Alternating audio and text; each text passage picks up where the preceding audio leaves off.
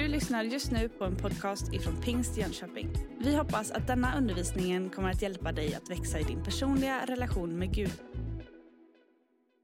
Gud välsigne er. Eh, om ni vill så kan ni jättegärna följa med mig i den här predikan. Jag kommer läsa en vers nu ifrån eh, första Korinthierbrevet kapitel 9. Första Korinthierbrevet kapitel 9. Alla bibelord kommer komma upp på skärmen också. Men om du vill, jag brukar tänka när man själv slår upp och liksom hittar det, då talar Gud också i, i texten. Eh, första Korinthierbrevet kapitel 9, vers 24. Vet ni inte att av alla löpare som springer på en arena så är det bara en som får priset. Spring så att ni vinner det. Alla som tävlar måste ha disciplin i allt. De gör det för att vinna en segerkrans som vissnar. Men vi för att vinna en som aldrig vissnar. Jag springer alltså inte utan att ha målet i sikte. Jag boxas inte likt en som slår i tomma luften. Nej, istället är jag hård mot min kropp och jag tvingar den till lydnad för att själv inte komma till korta när jag predikar för andra. Paulus eh, använder bilden av sport eh, för att eh, lära oss andliga lektioner. Han använder boxning, han använder löpning. Eh, och, och han gör det för att lära oss andliga eh, lektioner. På samma sätt vill jag idag använda sport som en sport som vi alla känner till eh, för att vi förhoppningsvis ska lära oss en andlig lektion idag. Och det är en sport förhoppningsvis alla känner till och det är basket. basket. När jag var liten en gång så spelade jag basket. Södertälje är bäst i basket, bara säger. Bara säger. Jag vet inte hur det är med Jönköping, men det kanske finns ett bra lag här också. Men, eh, Södertälje är alltid och krigar, så topp tre i Sverige alltid. Och, och det, är en, det, är en, stor sport i, i, i Södertälje. Och jag vill använda en sak i sporten basket för att vi ska idag se något som kanske förhoppningsvis du sent ska glömma idag. Innan vi gör det, innan vi gör det så ska vi få se en kort film från NBA's bästa rebounds ever. Varsågoda, här får se lite rebounds. Min predikan handlar om rebounds idag, så titta mot skärmen. Kolla på de här rebounds nu.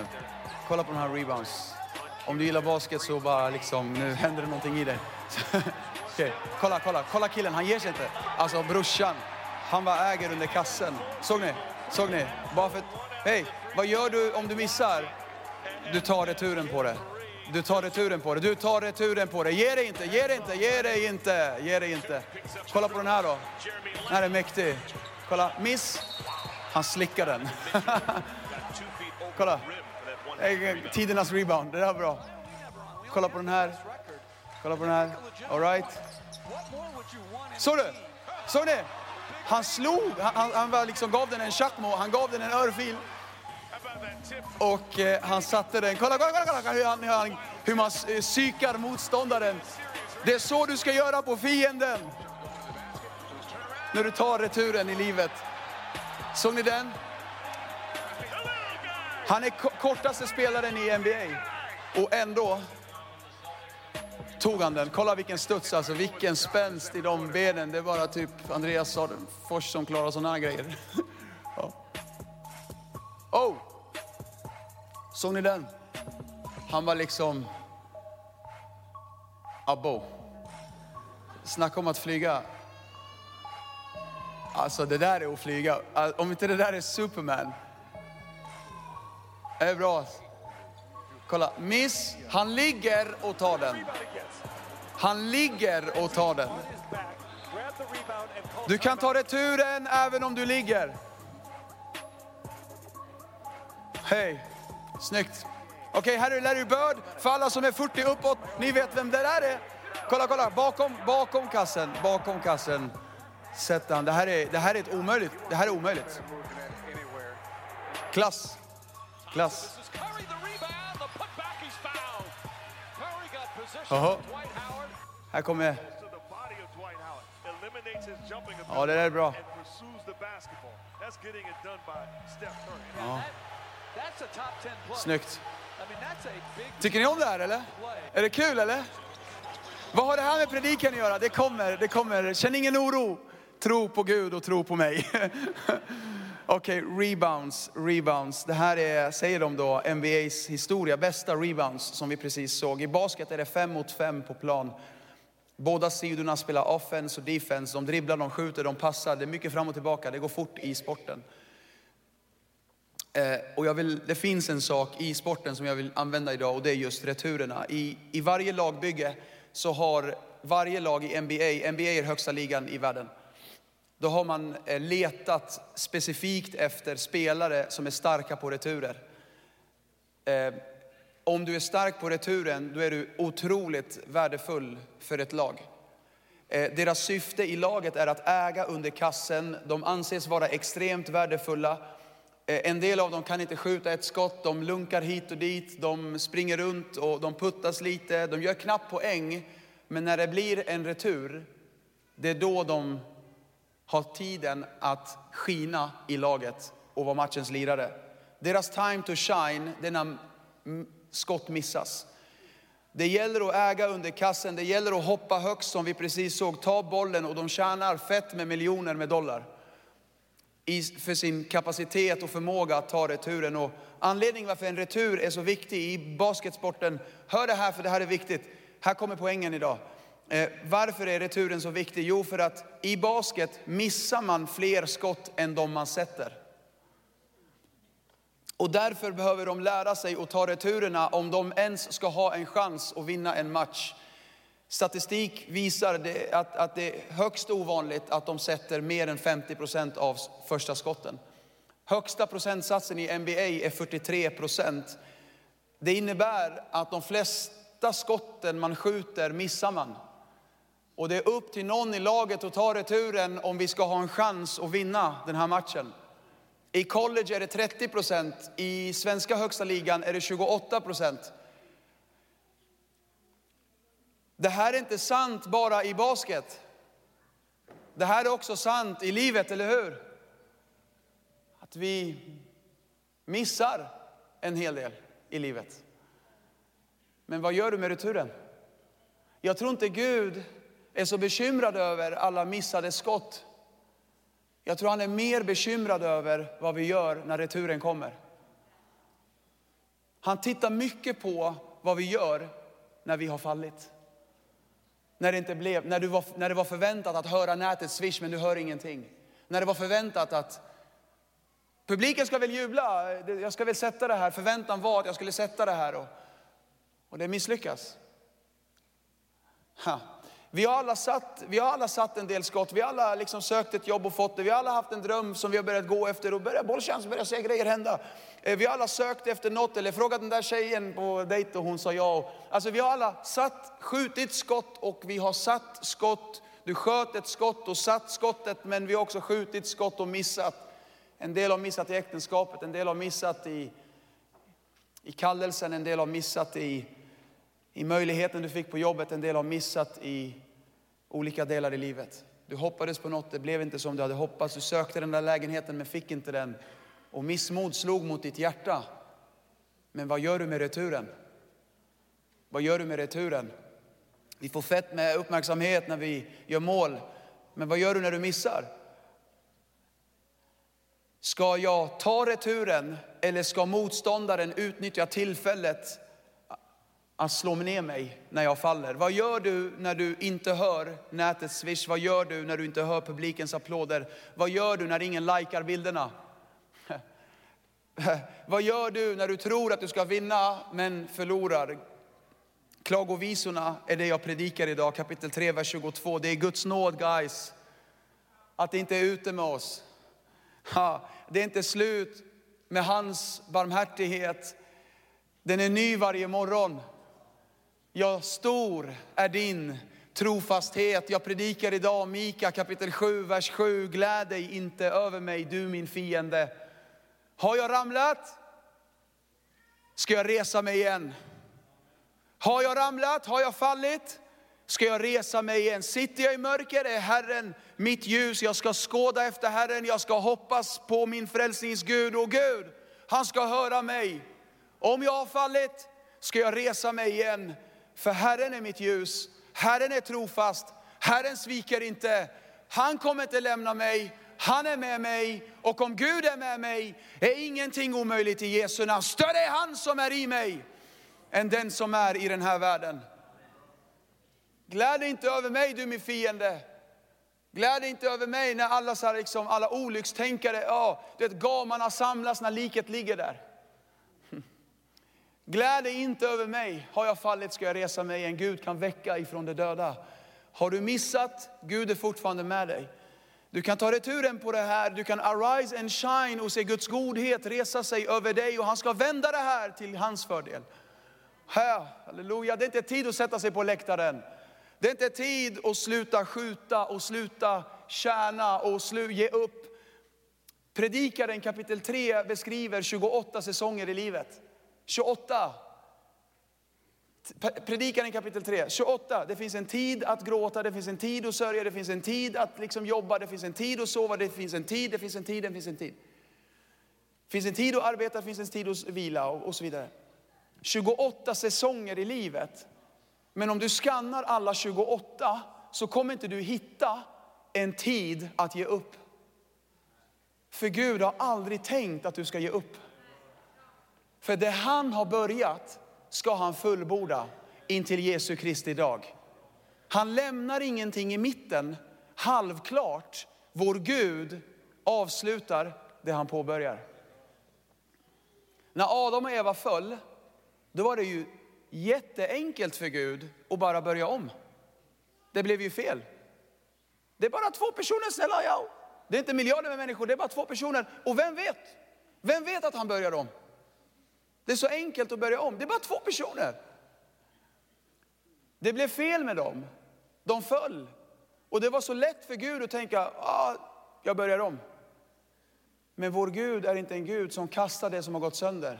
Vår Gud är en Gud som lagar det som har gått sönder. Vår Gud kastar inte trasiga äktenskap. Han lagar äktenskap. Han lagar förtroende. Han lagar din själ. Han kastar inte dig, han lagar dig. Ge inte upp, ge inte upp, ge inte upp. Ta returen på det här, ta returen på det här, ta returen på det här. Ta returen på det här. Bestäm dig att ta returen på det här. Hoppa högst. Ta returen på det här. Gud kan ge oss kraft att studsa upp igen. Ordsordsboken 24 säger den rättfärdige kan falla men reser sig igen. Men den gudlöse stupar när olyckan kommer. Vad gör en rättfärdig? Faller. En rättfärdig faller. Definitionen i Bibeln att vara rättfärdig är fall. Okej, okay, vänd dig till den som är bredvid dig just nu och säg, Wallah jag är lite heligare än vad jag trodde. Säg det, varsågod. Du kan säga Wallah också om du vill. Wallah jag är rättfärdigare än vad jag trodde. Jag är heligare än vad jag trodde. För vet ni vad det bevisar när man reser sig i ett fall? Det bevisar att min rättfärdighet är i Kristus, inte i mig själv. Come on brother. Du får väsnas idag, du får säga halleluja, du får applådera, du får ställa dig upp och köra en African dance, du får göra vad du vill, du får ta emot Guds ord idag och låt det entusiasmera din själ idag. För det är tid att resa sig, det är inte tid att sätta sig på läktaren bror och syster, det är tid att ställa sig under kassen och säga kom, kom baby kom, bring it on, bring it on livet jag ska ta det här, jag ska ta returen på det här, för jag ska studsa upp igen och Gud ska ge mig seger. Halleluja. Billy Graham sa att jag har läst sista sidan i Bibeln. Och jag vill bara försäkra er alla, det kommer bli väldigt, väldigt bra det här. Amen. En rättfärdig kan falla men stannar inte där. En rättfärdig reser sig för att han säger och hon säger, det är genom Guds nåd jag reser mig och tar returen. På grund av Lammets blod och vittnesbördets ord så kommer vi besegra fienden. Jag reser mig för det bevisar min rättfärdighet i Kristus. Det bevisar att jag är rättfärdig i Kristus, att verket är fullbordat på korset. Gud vill inte att du ska leva i skuld eller fördömelse. Gud vill att du ska vara fri. Bibelns det finns tre grundtextord för synd i Bibeln. Ett av de orden, hata, betyder att missa målet. I Romarbrevet kapitel 3, vers 23 står det att alla har vi syndat, ja, läs missat, och, och mist härligheten ifrån Gud. Alla har vi missat skottet, alla har vi missat i livet. Men lyssna, Bara för att du har missat betyder inte det att du inte kan ta returen på det här. Gud ger dig nåd att ta returen på det här. Enligt manualen, basket, alltså i, i, i basketsporten, enligt manualen så finns det tre saker man eh, behöver vara stark på då, om, om man ska vara en duktig returtagare, en, en stark rebounder. Eh, om man ska vara stark rebounder behöver du vara, ha tre ingredienser i livet, liksom, eller tre saker du behöver tänka på. Och eh, när jag hörde om dem tänkte jag, det är så mycket bibel i det här. Det är bibel i allting. så eh, du ska få dem nu. Jag tror att det är tre punkter till oss idag. Applikationen för oss idag. Hur gör jag för att vara en stark returtagare? Nummer ett, håll knäna böjda. Jag har inte hittat på det här på riktigt alltså. Det, ja. Håll knäna böjda. Håll knäna böjda. Alltså ska du lyckas ta en retur kan inte du stå i mittcirkeln by the way. Du behöver stå rätt. Du behöver stå under kassen. Och du behöver hålla knäna böjda. Och när du håller knäna böjda, då är du snabb i spänst. Du är snabb till att studsa. Du är alert. Du är alert. Låt oss applicera det i vårt liv nu. Vad är knän, knän som är böjda? Var snabb till omvändelse. Var snabb till bekännelse. Saliga är ni när ni sörjer. Ni ska få nåd. Och inte så här sorg. Jag läste det första gången när jag var nykristen. Jag bara, det, det, det är bra att sörja. Alltså det är bra att gråta över att någon har dött eller någonting. Det är fint att sörja liksom. Det var det jag trodde det betydde. Men det är inte det det betyder. Att saliga är ni när ni sörjer betyder, saliga är ni när ni sörjer över synd. Sörjer, jag sörjer över det här. Jag sör, Gud, jag sörjer över det här. Men salig är du när du är, när du är krossad inför Gud, när du är ödmjuk inför Gud, när du håller knäna, när du är snabb till omvändelse. Jag tänker på Levi Petrus.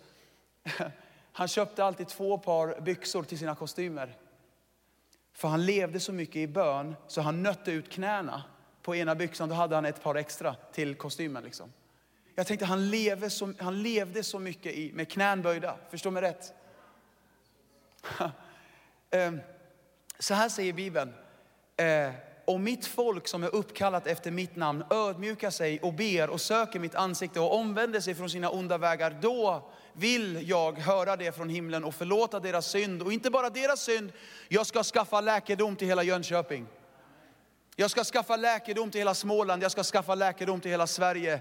Jag ska, om mitt folk omvänder sig, om mitt folk söker mig, om mitt folk håller sina knän böjda, då ska jag vara snabb och låta, låta mina änglar hälla nåd över den platsen. Ju större synden är, desto mer kommer nåden överflöda, säger Bibeln. Om du har fallit, fall i Jesu armar. Om du har fallit, sök upp bror och syster i kyrkan och säg, bär mig, hjälp mig. En läkare opererar inte på sig själv, en läkare söker upp andra läkare. Du behöver din bror och syster. Paulus sa när jag träffade bröderna, upplivades jag i min ande. Tidernas bästa kristen. Han behövde kyrkan. Du behöver kyrkan. Vad motståndaren säger till oss i den stunden, det är att du är inte bra nog att be, du är inte värdig hans nåd, Gud älskar inte dig. Men om du bara håller dina knän böjda, det spelar ingen roll vad du har genomgått, det spelar ingen roll konkursen, skilsmässan, eller motgången, eller attacken, eller misslyckandet. Gud ska låta dig få nåd och ta returen på det här. På kvällen gästa gråt, men på morgonen kommer jubel. Psalm 30, vers 6. Nummer två, om du ska vara stark rebounder, är håll händerna i luften. håll händerna i luften. Håll händerna i luften. Nummer ett, håll dina knän böjda. Var, var, var, var alert, var, var, var aktiv, var snabb till omvändelse. Var, lev alltid i omvändelse, lev alltid i ödmjukhet inför Gud. Eh, de ödmjuka ska ärva landet. Lev alltid så, ha en livsstil av ödmjukhet. Och, eh, och inte bara det, håll händerna i luften. Vad innebär det? Jag ska fortsätta tillbe i all motgång. Paulus och Silas hade all anledning att inte tillbe. När de, ja, de gjorde en bra grej. De predikade evangeliet och de lider för det. De gör en bra grej för Gud, men de hamnar i fängelset. Har du varit med om det? Du gör rätt, men du får skit. Du gör en bra sak, men en dålig, det blir dåliga konsekvenser. Du, du var ärlig på jobbet och så fick du sparken. Så okay. Eh. De gjorde en bra sak, de predikade evangeliet, men de sattes i fängelse och de misshandlades. Jag tänker på våra bröder och systrar i hela världen, i Syrien, mitt, mitt Syrien brinner. De gör bra saker, de står upp för Gud och vägrar böja sig för islam och andra saker. Vägrar, och de lider för det. De gör en bra sak, men lider för det. Men vi vet att i himlen kommer Gud torka våra tårar. Men jag bara, jag bara säger, har du varit med om det? Välkommen till klubben. Det är många bröder och systrar som har varit med om det. Men Paulus och Silas lider, men ändå säger Paulus, det här står inte i, det här står i King Tigles version, alltså det är min, ja, det här, det, det här är vad jag tror. Paulus och Silas är i fängelset, de har all anledning att vara sura och bittra på Gud. Men ändå säger de, hej bror, ska vi lovsjunga? Och de lovsjunger, och de, jag tror att de, de sjöng förmodligen, nej, de sjöng lovsång står det och de lovsjöng Gud. De var fastbundna vid stockar i innersta cellen. De bestämde sig att lovsjunga, de bestämde sig att inte låta omständigheterna styra deras tillbedjan. De lät sig inte hindras i sin praise, de höll händerna i luften och de började prisa Gud när de hade all kötslig anledning att inte göra det. De kunde ha varit arga på Gud och sagt Gud varför? Men de valde att tillbe, för vi tillber inte på grund av att vi är värdiga, vi tillber för att han är värdig. Och, och, och, de tillbad Gud och när de tillber så står det att en ängel kommer ner och marken börjar skaka och fängelsedörrarna öppnades och kedjorna föll från deras armar. Men hör, inte bara från deras armar, utan från alla som hörde dem sjunga. Alla blev fria, alla som iakttog de här två som lovsjöng. Det säger mig i ett rum som idag, om bara några bestämmer sig att tillbe Gud, så kan det sätta andra fria som bara hör och betraktar den som är fri. Ho! Det, någon behöver lovsjunga igen för sina barn, någon behöver lovsjunga igen för sitt äktenskap, någon behöver börja lovsjunga igen och hålla händerna i luften. För att det kommer sätta andra fria. Tänk om du bara kan bestämma dig idag. Jag, jag, jag ska inte låta omständigheter styra min tillbedjan. Kristus är nog för mig. Vet du vad Gud säger i Joel 2? Han säger, jag ska gottgöra dig för de åren som gräshoppan har ätit. Jag ska gottgöra dig, lyft händerna i lovsång. Lev i tillbedjan. Jag ska inte throw a pity party, för den enda som kommer på den festen är djävulen själv. Han tar med sig till och med partyhatten. För han älskar, vet du vad, den, djävulen älskar att låtsas vara den heliga ande. Han älskar, det står att han är ljusets ängel, han uppenbarar sig som ljus. Han låtsas vara tröst. Han kommer och lägger handen om på vår axel och säger, stackars dig, du borde, du borde, du borde inte gå dit längre. Du borde aldrig gå med i en kyrka igen. Du, du, du borde säga det här, du borde stå upp, hon ska inte tala så här till dig. Så här, du vet, han låtsas vara tröst, men han är, det är en demon bakom. Han låtsas vara den helige ande. Och, och, och, och, när vi börjar gå in i att tycka synd om oss själva, det är inte synd om oss, det är synd i oss. Tyck inte synd om dig själv, för Jesus tog synden. Det är inte det är destruktivt att tycka synd om sig själv. Don't throw a pity party. För det, inte, det, det, hjälper inte dig. Det som hjälper dig är att lyfta din blick och se upp till honom som de har genomborrat. Det som hjälper mig det är att säga Gud, för mig upp till en klippa som är högre än jag. Jag behöver dig, jag behöver dig, jag behöver dig. Förbanna inte med munnen, välsigna med munnen istället. Böj knäna, lyft händerna och nummer tre, positionera dig. Nummer tre, positionera dig. För att ta en rebound så behöver man stå rätt. Man kan inte stå i mittcirkeln, man behöver stå under kassen. Man kan inte sitta på läktaren, man behöver vara på rätt ställe. Thomas tvivlade på om, om det verkligen var sant det här med Jesus. Han satte sig i ett café i Jerusalem och, och var ledsen. Och lärjungarna springer in och säger, vi har sett honom, kom. Och när han kom i brödernas gemenskap, det var då Jesus gick genom väggen och visade sig för honom. När han ställde sig på rätt ställe, när han kom till rätt ställe, då kom Jesus. Gud kan möta oss överallt, jag vet, men det finns någonting med att positionera sig, att ställa sig rätt. Idag tror jag det är altaret. Att komma till altaret och säga Gud, jag ska ta returen på det här. Jag ska inte stålsätta mitt hjärta och sitta kvar. Jag ska ta returen på det här. Vissa behöver göra ett statement för sina omständigheter. Vissa par behöver komma tillsammans och säga vi ska ta returen på det här. Åh oh, Jesus. En sak som att, manualen säger också så här, för att positionera sig rätt, då behöver man sätta ner hela foten. Hela foten ska vara eh, liksom nedtryckt i backen och så ska man sära på benen för att boxa ut eh, eh motståndaren. När du boxar ut motståndaren, då hindrar du honom komma under kassen så här. Och, och, och då blir det liksom, det är ditt space. En del behöver boxa ut fienden. Positionera dig, boxa ut fienden. Du har bara torterats av lögner i huvudet. Boxa ut det där, kom till altaret. Gud, möt mig. Tryck undan det där, Gud, tala. Manualen säger också så här, om man, om man begränsar fi, eh, motståndarens dribblande, då ökar chansen att de missar skottet. En del behöver stoppa fiendens dribblande. Låt inte honom leka med tankarna. Bryt tanken, bryt lögnen med att skölja över dig med Guds sanning istället. Låt, låt inte destruktiva tankar ha sina vägar, utan bryt det genom att lovsjunga Gud istället och lyfta blicken istället. Välkomna upp teamet. När du tar dig till altaret så tror jag att du sätter dig själv i en position där Gud kan låta dig ta returen. Altaret är för den som vill ta returen på drömmen, på hoppet. Fienden gör allt han kan för att hålla dig borta från den positionen. Han säger till dig, äh, om Gud vill dig något kan han väl komma till dig. Ja, typ inshallah, om Gud vill, det händer. Nej, sluta. En del behöver positionera sig för att ta emot ifrån himlen. Fienden gör allt för att blocka ut dig. Men det finns någonting med att komma till altaret, det finns någonting med att böja sig under Gud, det finns någonting om att be Gud om nåd. Gör som Josua gjorde med de fem kungarna i Josua bok kapitel 10. Han sa till sina ledare, dra ut kungarna ifrån grottan, dra ut dem ifrån grottan. Och han sa till sina ledare, sätt foten på nacken på dem. Sätt, dra ut det från grottan och sätt foten på Dra fram det till ljuset, sätt foten på nacken på det. En del behöver göra det med alkohol. Sätt foten på nacken på alkohol i altaret.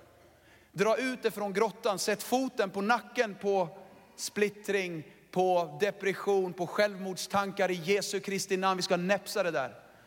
För det är inte från Gud. Rädsla, fruktan, skam, skuld, fördömelse. Sätt foten på nacken på skammen. Sätt, det ska inte hemsöka dig. Jämförelse, sätt foten på nacken på det. Du är perfekt inför Gud. Han har din bild i sitt kylskåp i himlen. Han, han älskar dig. Jämför inte dig, jämför inte dig. Sätt foten på nacken på det, dra ut det ur grottan. Och sätt foten på nacken på det. Sätt foten på nacken på övergreppet, på synden, på beroendet, på skammen. Säg, du ska inte besegra mig. Herren, min Gud är mitt ljus.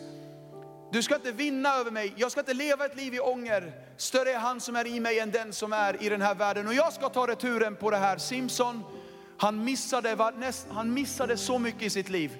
Simpson. Istället för att springa efter Gud, han sprang efter Garis. Alltså tjejer. Han sprang efter tjejer. Istället för att springa efter kallelsen, han sprang efter tjejer.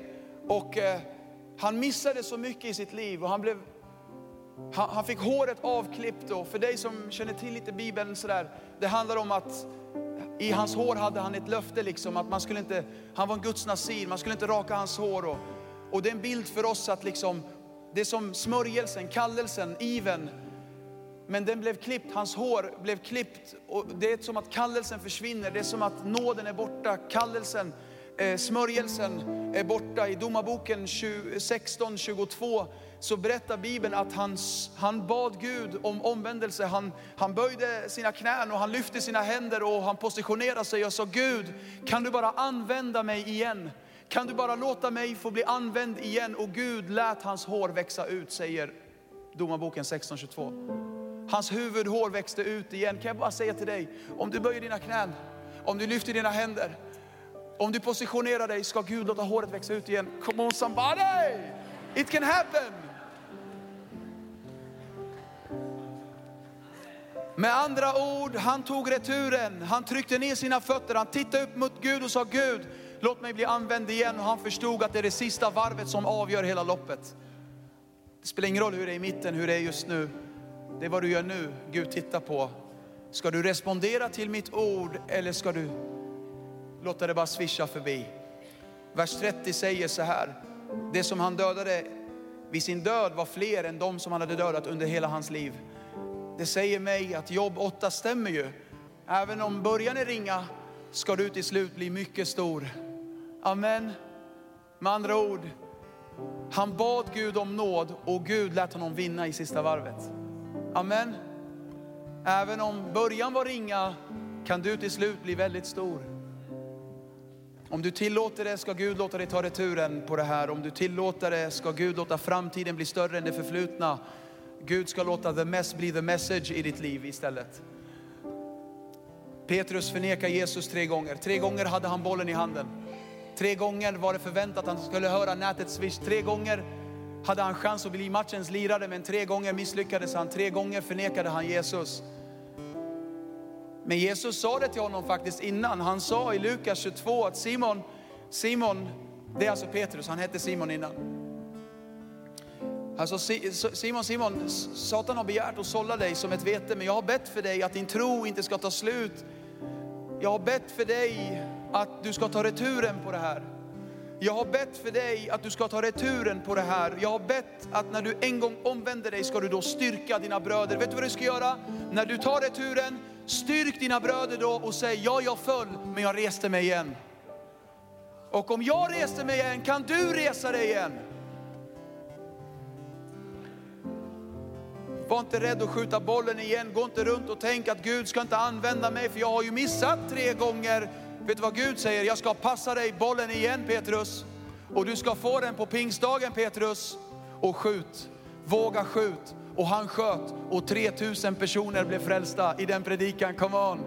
Det finns ingen gräns på vad Gud kan göra genom dig om du bestämmer dig att böja dina knän, att lyfta dina händer och positionera dig och komma till Guds altare. Du anar inte vilket bra äktenskap det kan bli. Du anar inte vad, vad hoppet börjar brinna igen i hjärtat och kallelsen börjar leva igen.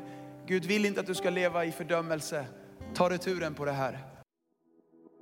Du har just lyssnat på en podcast ifrån Pingst Jönköping. För att få reda på mer om vilka vi är och vad som händer i vår kyrka så kan du gå in på pingstjonkoping.se eller följa oss på sociala medier via pingstjkpg.